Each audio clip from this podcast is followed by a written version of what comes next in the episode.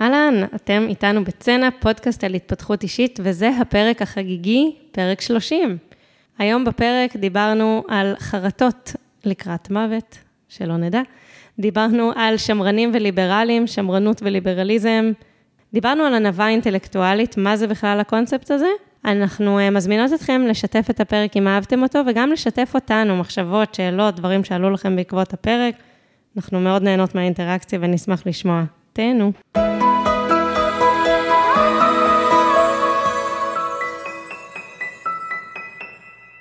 אהלן, תמי. היי. היום הבאתי ספר עם שם לא קליט. פעם כשאהיה יותר צעיר. פעם כשיהיה יותר צעיר. כן, כתב אותו יעקב בורק, אה, שהוא סופר שכתב כבר כמה וכמה ספרים, שעוד לא יצא לי לקרוא, אבל הוא כותב מאוד קליט וכיפי, ונדב קרא ספר שלו שהתלהב ממנו. הוא אה, איש עסקים, יזם, שמביט על החיים, על אה, מסלול העסקים, חוקר, כותב, ובספר הזה כתוב מאחורה ככה. הוא פותח ככה, זו פתיחה יפה. אני יליד 1948. עד כמה שידוע לי, איני עומד למות בקרוב, ועם זאת, זה זמן שאני בדיאלוג עם ההכרה, כי אם רק אצליח להתבונן אחורה ולעשות את חשבון חיי לא באחריתם, אלא בעודי בריא וערני, אוכל להעניק להם משמעות שלא אשיג בכל דרך אחרת. להבין מבעוד מועד מתי מוחנו אחוז ההטיות מתעתע בנו, מתי שאיפתנו להכרה ומעמד חברתי מחבלת באושרנו, ומתי נכון לשתף פעולה ולהשקיע במערכות יחסים שיצדיקו את ההשקעה אפילו אם רק בעתיד. ובעשר מילים, לדעת לחשב את מסלול החיים מחדש לפני שיהיה מאוחר מדי. תודי שהפתיחה יפה. כן, ממש יפה. אז uh, כתוב על הספר שהוא ספר מאיר עיניים ומעורר מחשבה, קריאת חובה למי שחוששים יום אחד להתבונן על החיים שחלפו ולשאול את עצמם, האם החיים שלא חיינו היו הראויים יותר. עכשיו, אני רגע אספר לך טיפה על הספר. שאומרים הרי שזה מה שאנשים מתחרטים, רק על מה שהם לא עשו. אנחנו כבר נשמע בדיוק מה חמשת החרטות הנפוצות של אה, אנשים. Okay. אוקיי. אבל uh, אני אגיד רגע על הספר איך הוא בנוי, כי זה קונספט ממש נחמד. Um, אז הוא פותח, אני אוהבת, את יודעת שאני אוהבת ספרים שהמחברים עושים איזה מטה כזה, שהוא צנוע. כאילו, uh, שהם לא אומרים, זה המדריך שהולך לשנות את חייכם מעכשיו לעד. אוקיי. אז הוא אומר, תקשיבו, בספר הזה יש מלא מחקרים, הם לא מוצגים בצורה אובייקטיבית, כי היו חלק שעניינו אותי הרבה יותר וחלק שפחות. הם לא מוצגים כולם באותו היקף, וגם יש מלא מחקרים שלא מוצגים פה, אז תדעו שגם המחקרים שבחרתי להכניס לפה, הם לא, זה לא בחירה מקרית, ואפילו ניתן לומר לא אובייקטיבית. אבל הספר הוא כתוב בצורה מאוד קולחת ומביא המון המון המון מחקרים. אז זה נחמד כזה, את יודעת, לארוחות שישי לשלוף, אה, בדיוק קראתי שזה. אז אני אשלוף לך כמה כאלה. אוקיי. יאללה, תרשימי אותי. זהו, ואי אפשר יהיה לעשות פה מטה על הספר, אבל כן, הקראתי לך את האחורה שלו בשביל להבין שהוא באמת מדבר על קבלת החלטות טובה יותר. והוא מדבר על כל מיני נושאים, על עושר, על התרבות שלנו היום, שהוא מדבר, יש פרק שלם על פומו, fear of missing כן. out. אז אגב, חרטות אה, על מה שאנשים אומרים אה, לקראת מותם, אני כבר אגיד לך מה החמש חרטות, אבל, אבל באמת זה ספר כזה עם המון המון המון נושאים שהוא מתייחס אליהם בקצרה, אז כבר מראש אני מתנצלת בפני המחבר שאני אחטא פה ולא אעשה אה, ייצוג נאמן של הספר, אבל כן היו פה כמה דברים שמאוד עניינו אותי, אני אביא אותם. אוקיי. Okay. אז קודם כל, אגב, אנקדוטות לשולחן שישי. Uh, אני אספר לך לפי מחקר ש, שפורסם בספר שנקרא The Top 5 Regrets of the Dying, מה חמש החרטות הכי נפוצות לאנשים על סף מוות? סליחה, אני כל כך לא רואה אותך ביום שישי מחפשת איך לשלוף כזה. רגע, רגע, רגע, עצרו הכל. שנייה, אני רוצה להרשים אתכם. כן. לא, אני, אוהב, אני אוהבת אנקדוטות, דווקא אני, אני אוהבת, זה, זה נחמד. לא, להשתמש טבעי כן, אבל זה, הצגת כן. את זה כאילו זה... לא, כשזה מתאים בשיחה. דינג דינג דינג. אוקיי, אחת, הלוואי שהיה לי האומץ לחיות חיים של נאמנות לעצמי, לא כאלה שאחרים ציפו ממני. תודי שאני משתדלת לאמץ את התובנה הזאת כבר עכשיו. הלוואי שלא הייתי עובדת כל כך קשה, קיבלתי. אני שותקת כי אני חושבת על הדברים. הלוואי שהיה לי האומץ לבטא את רגשותיי. הלוואי שהייתי שומרת על קשר עם חברים, והלוואי שהייתי מניחה לעצמי להיות מאושרת יותר. וואו. את רואה, אני קראתי את הספר בלי לקרוא אותו. כן. סתם, האמת שזה נחמד. אה, עשיתי, אני עושה סטייה רגע, קראתי את באושר ובאושר של אה, טל בן שחר. כן. ספר על, אה, על פסיכולוגיה חיובית. ספר מאוד טוב למי שעוד לא נכנס לתחום וזה, הוא כזה מבוא מצוין. אז הוא נותן שם הרבה תרגילים, ואני כזה, אוקיי, אני כבר בן אדם מאוד אסיר תודה, אני כבר במערכות יחסים משמעותיות, אני... לא שאין לי מה להשתפר בפסיכולוגיה חיובית, אבל, אבל בתרגילים שם ברוב הרגשתי טוב. היה תרגיל אחד שהוא אמר, אה, תדמיינו את עצמכם בני הלא יודעת כמה, על סף מוות, מה אתם אומרים לעצמכם היום? והיה רק דבר אחד, אחד, שאמרתי שאני לא להתחרט עליו, וזה תדירות, התדירות שאני רואה את הסבים והסבתות שלי. וואלה. שיניתי את זה. אני יכולה להגיד לך שבגדול, שוב, זה לא שאין בי חרטות או רגשות אשם, כמובן שיש בי, אבל לא במטה, כאילו באופן כללי, אני מרגישה שאני חיה את חיי באופן שאני מאוד uh, שלמה איתו, שזה נחמד. אני מקנאה בך. לא, לא שאני לא מבסוטית מהחיים שלי. זהו, באתי להגיד, uh, לא, אוקיי. אבל לי יש דברים שאני, אני כל הזמן אומרת, הייתי רוצה לחיות uh, שני חיים, אם הייתי יכולה, כאילו, יש לי שני סגנונות חיים מאוד שונים שהייתי רוצה לחיות. אני, אני לא יודעת מה הם, אם בא לך לדבר עליהם אז אפשר, אבל אני מאוד מזדהה עם האמירה הכללית. אני פשוט חושבת שיש דברים שאם אנחנו מגשימות בערוץ אחד, הם באים על חשבון ערוץ אחר. אה, לא, זה עושה לי עוד זום אאוט. כן. לספר של אסתר פרל, שעוד לא דיברנו עליו פה, על האינטליגנציה האירוטית, על הזוגיות, על איך אנחנו רוצים גם את הביטחון והיציבות נכון. וזה, וגם את הארוס והתשוקה והריגוש וזה, וכאילו, האתגר שלי הוא לחיות את הדברים האלה גם וגם. אה, כאילו, פשוט ילדים זה הבחירה הכי דרמטית שניתן לעשות בחיים. לגמרי. אה, אבל אולי המשמעות של לגדל ילדים לא חייבת להיות לוותר לחלוטין על צדדים שלמים שקל יותר להגשים אותם ברווקות, בוא נגיד ככה. כן. כן, אני פשוט, אני, לפחות לגביי, אני אדבר רק על עצמי עכשיו, יודעת שיש דברים שזה לא שאני מרגישה שזה לא מתאפשר, או לא בסדר, או לא מקובל, או לא הוגן כלפי אחרים רק, אלא יש בי את המשיכה או הכמיהה לשני דברים שלא הולכים ביחד. צריך לדבר על זה, כי לא, זה מעניין, בגלל ש... כאילו, קחי סתם אפילו דבר מאוד פשוט. אה, נורא נורא אה, רצון להתבודד, לעומת נורא נורא רצון להיות עם האנשים שאני אוהבת. עכשיו, את יכולה להגיד, בסדר, אפשר מינונים ואפשר לפרגן את זה. נכון, אבל אני אומרת, יש לי ממש כאילו שני סיפורי חיים מאוד שונים, אחד במקום מבודד בטבע בזה, ואחד, כמו שאני חיה היום, מוקפת באנשים שאני אוהבת, נותנת לזה להיות הדבר המשמעותי, מערכות יחסים. אמ, אני סופר מזדהה פשוט ספציפית עם הדוגמה הזאת. ואני לא יודעת אם הייתי רוצה לחיות כמה חיים, כי זה החיים. תמיד, בכל חיים שאת חיה, היית צריכה לבחור בהם. נכון.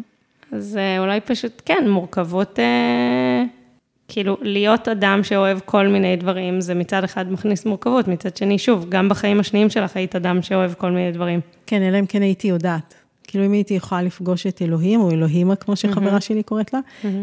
והייתה אומרת לי מראש, תראי, יהיו לך ארבע פעמים, אז את באה, בה, את יכולה פעם אחת. אה, כבר העלית את זה לארבע, יפה, תמי, אהבתי. יפה, אוקיי. אז uh, עד כמה שהמדע יודע עד כה, זה לא סביר, אם כי את יודעת. לא לבנות על זה, את אומרת. אה, יותר תבני על, אה, כן, על הכאן ועכשיו, מאשר על העתידי. באופן כללי, גם תבני על היום יותר מעל מחר, נראה לי. אה, ועל לברך על מה שיש, וליהנות מהדברים הקטנים. נכון. אוקיי, אחד מהדברים שהכי עניינו אותי בספר, היו, היה פרק שהוא מדבר על שמרנים וליברלים. וואלה. אני אעשה כזה אמלק, שורה, תמצות קצר, שבא... יש מחקרים שמראים שהנטייה לכאן או לכאן היא מולדת. באמת? כן. איזה mind blowing זה. ממש. זה היה לי כל כך ברור שזה קשור לחינוך. אז בואי נשאר רגע בתדהמה מהדבר הזה. uh, וואי, תקשיבי, זה באמת מעניין ברמות, בגלל שבגדול, uh, אני אגיד, זה משהו שקיים אצלי בבית הפרטי שלי בצורה מאוד חזקה, המתח הזה. עכשיו, הוא אומר פה הרבה דברים מאוד מאוד מעניינים על הפסיכולוגיה שמאחורי זה, אבל מה, על, על ההיגיון כאילו בלהיות, בלהיות שמרנים ובלהיות ליברליים. וואי, זה סופר מעניין רגע, יש פה, לא, כי יש פה כל מיני דברים שמעניינים. אחד, הוא אומר, מה שמאפיין שמרנים זה התנגדות לשינוי, כאילו זה, נכון, זה, זה שמרנים, נכון. והסיבה שהם מתנגדים לשינוי, זה כי הם רוצים לשמור על יציבות. יש, הם, יש להם חשש משינוי, אז כל דבר שהוא חדש, הוא מאיים על היציבות, ולכן הם נאחזים ב, בשמירה על המצב הקיים. והוא אומר מהצד השני, שחדשנות היא מתאפשרת בזכות ליברלים, כי ליברלים מביאים דברים חדשים, אה, מאתגרים את המציאות הקיימת ומציעים פתרונות חדשים. ואז הוא אומר, הוא מביא כאן איזשהו מחקר ביולוגי אה, ש... שעשו על חיות, שיש חיות שהנטייה הטבעית שלהן היא לקרב, ויש חיות שהנטייה הטבעית שלהן היא להימנעות. עכשיו, זה לא מינים שונים, זה בתוך אותו מין, יש נטיות שונות, שמה שמאפשר יציבות ביולוגית, זה שיש את אלה ואת אלה. זה שיש שמרנים ויש ליברלים, אלה שומרים באמת בעיקר מפני סכנות חיצוניות שהן לא מדומיינות, את מבינה? זה כן. כאילו ליברלים, כאילו נוח להם להגיד, אתה סתם ממציא סכנות מסוימות או דברים שמערערים את היציבות, ו- וזה לא באמת יערער את היציבות. ברור, אני יכולה לחשוב על זה בהמון הקשרים בחיים, אגב, בין אנשים זהירים ואנשים נועזים. אה, זה גם, זה איזון מאוד דומה.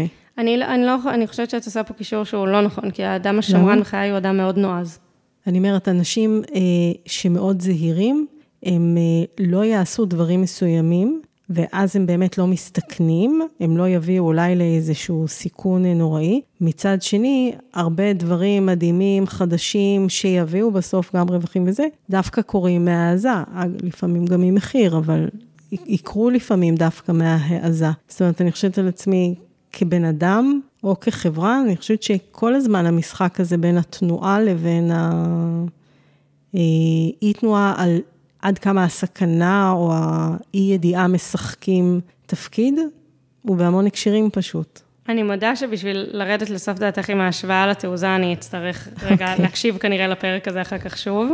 אז את רוצה שאני אתעכב על זה שנייה או שנמשיך? לא, בואי נמשיך. אוקיי, okay, אז לכאורה, הוא, הוא, אני, אני אביא רגע ציטוט, כי יש פה ציטוט מצוין, הוא אומר ככה, שאחד החוקרים שנקרא ג'ון היבינג, אה, אמר ככה, שמרנים נהנים לומר כי ליברלים אינם תופסים זאת, כאילו, they don't get it.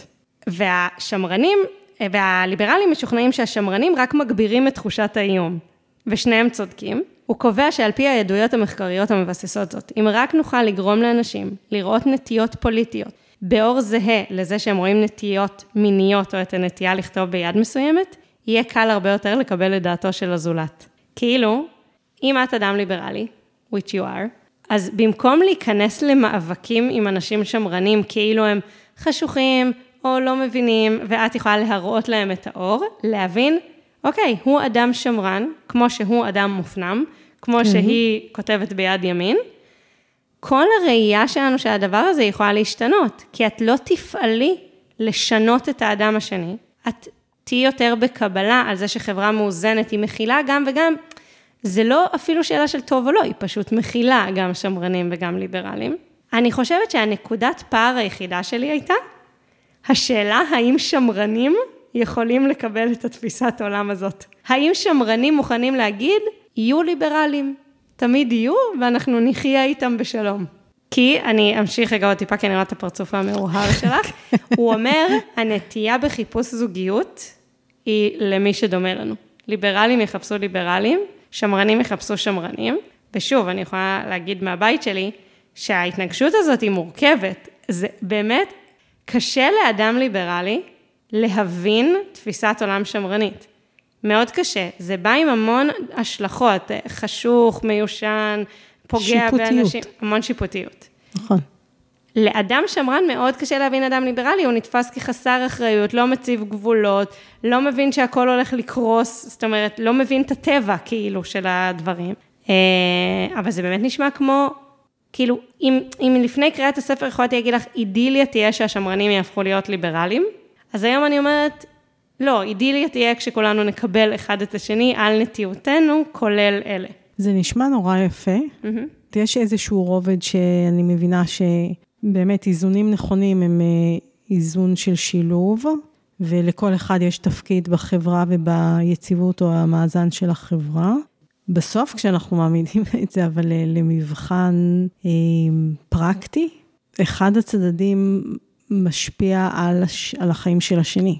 כל הצדדים משפיעים, ברור. מה זאת אומרת? לא, אני אומרת, אה, בסדר, נניח שאני באופן אה, אה, תיאורטי, כאילו מקבלת את זה שצריך את שני הצדדים. ויכול להיות, אני לא יודעת, אולי זו הטענה בספר, שאם לא, הייתי מורידה את השיפוטיות, שזה אלמנט שחוזר אצלנו כל הזמן, ולא כועסת על השמרנים, אלא מבינה שיש להם תפקיד חשוב אפילו לטובתי, בסדר? Mm-hmm. ואז בא ממקום שאומר, אוקיי, את יודעת, אפילו כמו גישור או פשרה, בואו רגע נעבוד ביחד על התוצאה, כי היא כנראה תהיה הטובה ביותר. אבל בסוף, אם אני רוצה עכשיו זכויות שלי כאישה, אז וואלה, לא מתאים לי שמישהו שמרן לא מרשה לי ללכת במכנסיים, או לצאת לעבודה, או לנהוג באוטו. אני רוצה רגע להגיד, שנייה, זה, כשקובעים סט מוסכמות, נורמות, חוקים, או מה שזה לא יהיה, וצריך הסכמה, אז, אז נכון, יש מורכבות, אני, אני לא אטאטא אותה ואנחנו נדבר, אנחנו דיברנו בעבר ואנחנו נדבר עוד על, על אה, שינויים חברתיים, איך אפשר לעשות אותם אל מול התנגדות, כאילו זה, זה, כן. זה חשוב, אבל נראה לי שיש פה איזושהי הנחה שככה הדברים אמורים להיות, אנחנו אמורים... מה זה ככה? שאנחנו אמורים לשבת ליד אותו שולחן, להסכים על סט הכללים הזה והזה, ויכול להיות שזה נכון, אבל יכול להיות שהרבה לפני זה, אנחנו צריכים לקרוא את הספר הזה לצורך העניין, ולעשות המון המון המון עבודה פנימית של כל אחד עם עצמו, לפני שאנחנו מתיישבים לשולחן הזה של קבלת ההחלטות. ואז גם נגיד, אם את עברת עם עצמך את הדרך הזאת, את אולי אפילו אקטיבית תביאי את האנשים האלה לשולחן, כי את יודעת שיש נקודות עיוורון, יש, יש לך נקודות עיוורון, אפילו שאת חושבת ש... שוב, אני בחיים לא אתווכח על זה שלנשים מגיעות זכויות, מבחינתי זה אמת, אבל אני גם אולי ארצה לשמוע גם את הקול שחושש נגיד מההשלכות של שינוי, נגיד, את יודעת מה זה, זה וואלה, רגע, לא נוח לי בכל הגוף, אבל אני אעשה את זה בכל זאת. יש השלכות למהפכה הפמיניסטית, ואין מספיק שיח עליהן. מה יש? יש מלחמה עליהן, אני אסביר. נשים אומרות, זה שווה את זה, נקודה. הנשים הפמיניסטיות, אני. לא, זה שווה את זה, אנחנו נשלם את המחירים, נתקדם. זה הליברליות. השמרנות אומרת, לא, לא, לא, אל תשנו, כי אז מי ישמור על הילדים, נגיד, סתם לצורך העניין. אבל רגע, השאלה מי ישמור על הילדים, היא שאלה ממש טובה. יכול להיות שאם ניתן היה לשבת ביחד לשולחן הדיונים, השמרנים היו מביאים את כל החששות, והליברלים היו עוזרים לתת להם מענים שהם לא פוגעים לגמרי בכל היציבות, או מכילים את ההשלכות בתוכן, כי באמת נותרות שאלות ללא מענה, שאלות קשות, כאילו, להגיד, זה כאילו ברור, התשובה כאילו ברורה. אה, שני ההורים יגשימו את עצמם בקריירה ויחלקו 50-50 את נטל גידול הילדים. אבל א', לא תמיד זה מספיק. כאילו, לא תמיד אם ההורים, 50 אחוז מהזמן שהילדים צריכים, אולי גם אם, כאילו, גם אם שני ההורים יעשו את זה, אולי שניהם לא יצליחו לממש את עצמם. והחוכמה המשותפת היא, היא הדבר שצריך, לא האג'נדה החזקה של כל אחד צריכה לנצח, לא. אני מבינה מה את אומרת. זה מה שאמרתי, שיכול להיות שאם היינו מצליחים, כמו בגישור, לשבת לשולחן, ואת יודעת, אפילו בהסכמה להגיד, אני אלבש את הכובע שמתריע, ואתה תלבש את הכובע שמסביר למה השינוי זה, ונמצא יחד פתרונות.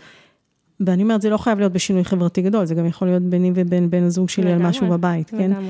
העניין הוא, וזה מעניין אותי מה הוא אומר על זה, אה, ואני אגיד יותר מזה, יכול להיות שגם אפילו אפשר להגיד שינוי תפיסתי, אם אני רגע לא ארד לרמת סוגיה ספציפית, להבין את הערך של זה שבחברה פועלים באופן כללי כוחות שמשמרים יציבות וכוחות שעושים את התנועה הנדרשת, mm-hmm. אוקיי? כן. שזה רעיון מגניב בפני עצמו בעיניי. לגמרי. אבל אה, איפה הבעיה, ושוב, מעניין אותי אם הוא מתייחס לזה, שיש כאן הנחה של רציונליות, שבסוף אנחנו ננסה להגיע לפתרון של בעיה, אבל יכול להיות ש...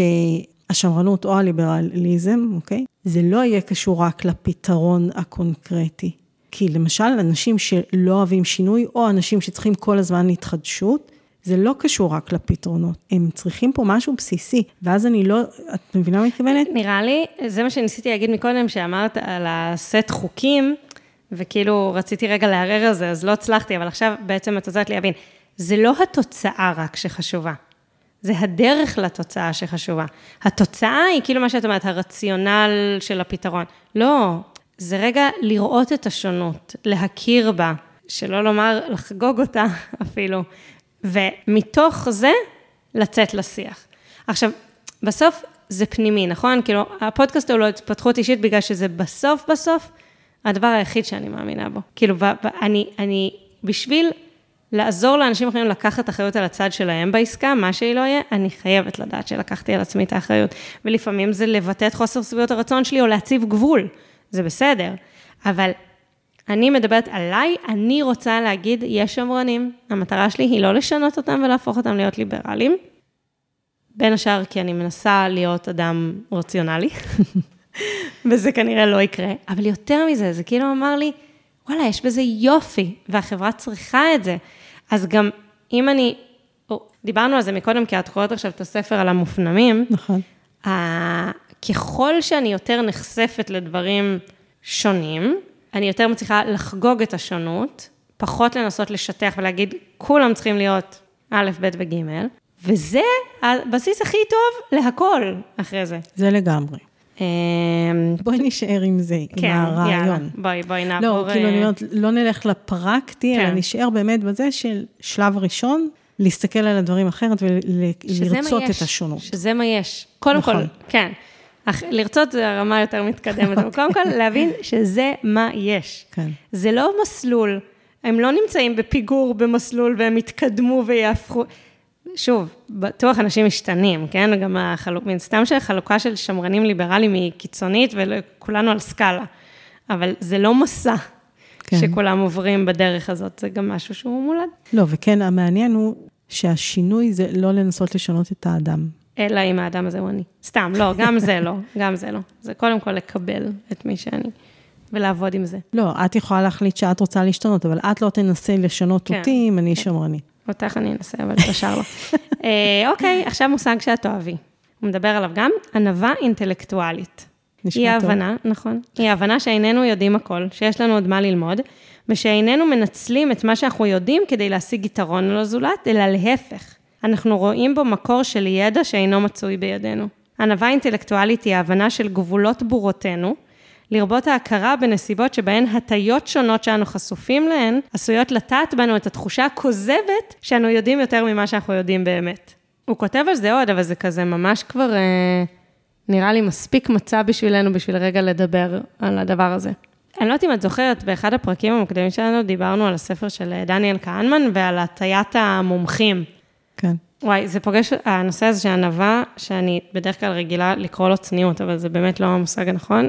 אבל הקונספט הזה של, אני יודעת, באמת יש הרבה דברים שאני יודעת, אבל א', גם על הדברים שאני יודעת, יש לי טונות של נקודות עיוורון, וגם יש כל כך הרבה שאני לא יודעת, וכל בן אדם שאני מדברת איתו, יש דברים שהוא יודע ואני לא יודעת. נכון. אני מרגישה שאין לי אפילו מה להגיד על זה, כי אני באמת חושבת שזה הבסיס לכל כך הרבה דברים, ולכל קשר שלנו וכל אינטראקציה שלנו עם אנשים.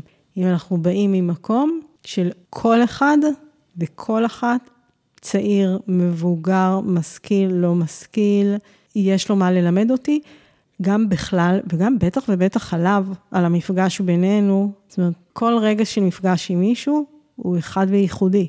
אז זה שכבר פגשתי מלא פעמים, או פגשתי אותה אפילו מלא פעמים, עדיין, אז זה נכון בהמון רבדים פשוט בעיניי. נכון. אה, את אומרת פה משהו שהוא מאוד מאוד יפה על מערכות יחסים. ואותי זה רגע שולח לכיוון אחר, כי אני מתעסקת הרבה בהתפתחות מקצועית של נשים, ואני רואה שהרבה מאוד נשים מתקשות להגיד דברים, כאילו לשתף בידע שלהם כמומחיות, מתקשות לקרוא לעצמן מומחיות, ו, וזה באצטלה של ענווה, זה כאילו ענווה. אני עוד לא יודעת מספיק, אני זה, עכשיו, שוב, אני לא, זה לא, אני אומרת את זה ככה לא כי אני שופטת את זה, אלא כי זה לא המשמעות לדעתי של ענווה. אני יכולה להגיד דברים, אבל א', אני תמיד לוקחת את עצמי בערבון מוגבל, על כל דבר שאני אומרת, ואני באמת פתוחה לשנות את דעתי. נגיד, הרגשתי את זה מאוד חזק איתך לאחרונה, שדיברנו על השאלון אה, קבלה כן. לתוכנית שאת אה, פותחת, והרגשתי שיש לי המון ידע לתת שם, כי כבר עשיתי הרבה מאוד תהליכים כאלה יחסית, וגם מוצלחים. ונורא התלהבתי, כאילו, ממש הלכתי כזה, וואי, אני יודעת, אני יודעת, ואז אמרתי, וואי, איזה שעמום. כאילו, אני אתן, אני אמשיך להגיד את הדברים שאני יודעת, אבל קודם כל, זה עוד יכול להשתנות. ודבר שני, אולי מה שאני יודעת הוא כל כך ספציפי לנשים מקהל יעד מאוד מאוד מסוים, שיצא לי במקרה לבנות את כל הפרוסס הזה להם, ויש עוד עולם שלם של אוכלוסיות יעד אחרות, ש, שבכלל דרך המיון והקבלה שצריך לעשות איתם היא אחרת לגמרי בשביל להכיר אותן. אולי זה לא מספיק נגיש. אולי זה כאילו איזשהו מגדל שן כזה שאני לא מספיק... הרבה, הרבה מאוד מחשבות. אני חושבת, יש... אה, אני לא זוכרת מאיפה הציטוט, אבל אומרים אה, אה, על, על זה שאנחנו צריכים תמיד לזכור שאנחנו... בשבילי נברא העולם, כאילו מצד אחד, ומצד שני, להחזיק כאילו בצד אחד את החשיבות העצמית בצורה מאוד מאוד גדולה, כאילו, אני חשובה, הדברים שאני עושה הם משפיעים, הם חשובים, אני, יש לי ערך לתת לעולם, ומצד שני, להיות במקום הזה, שוב, של הענווה, של מה אני יודעת, יש עוד כל כך הרבה לדעת, יש כל כך הרבה שאני לא יודעת. גם על דברים שאני יודעת, יש עוד כל כך הרבה לדעת. זה, זה קורה לי בתהליך שלי, של, של ההתפתחות האישית שלי, של המבט פנימה, שאני כזה, אוקיי, זה מקום שכבר, הנה, אני כבר נורא נורא מפותחת בו. זה קורה לי הרבה פעמים בפודקאסט, כי אני אומרת פה דברים, אני חושבת שהם נורא מפותחים וכל הכבוד לי, ואז אני מקשיבה ואני אומרת, וואי, נתתי לך את הדוגמה, נגיד, על החוסר הקשבה, נגיד, שאני לא כן. לא מספיק מקשיבה. שאני נורא ממהרת כבר להגיד את הדבר שיש לי להגיד. הלוואי ותמיד אני, תהיה לי ענווה אינטלקטואלית, הלוואי ואני אוכל תמיד להחזיק את הדבר הזה.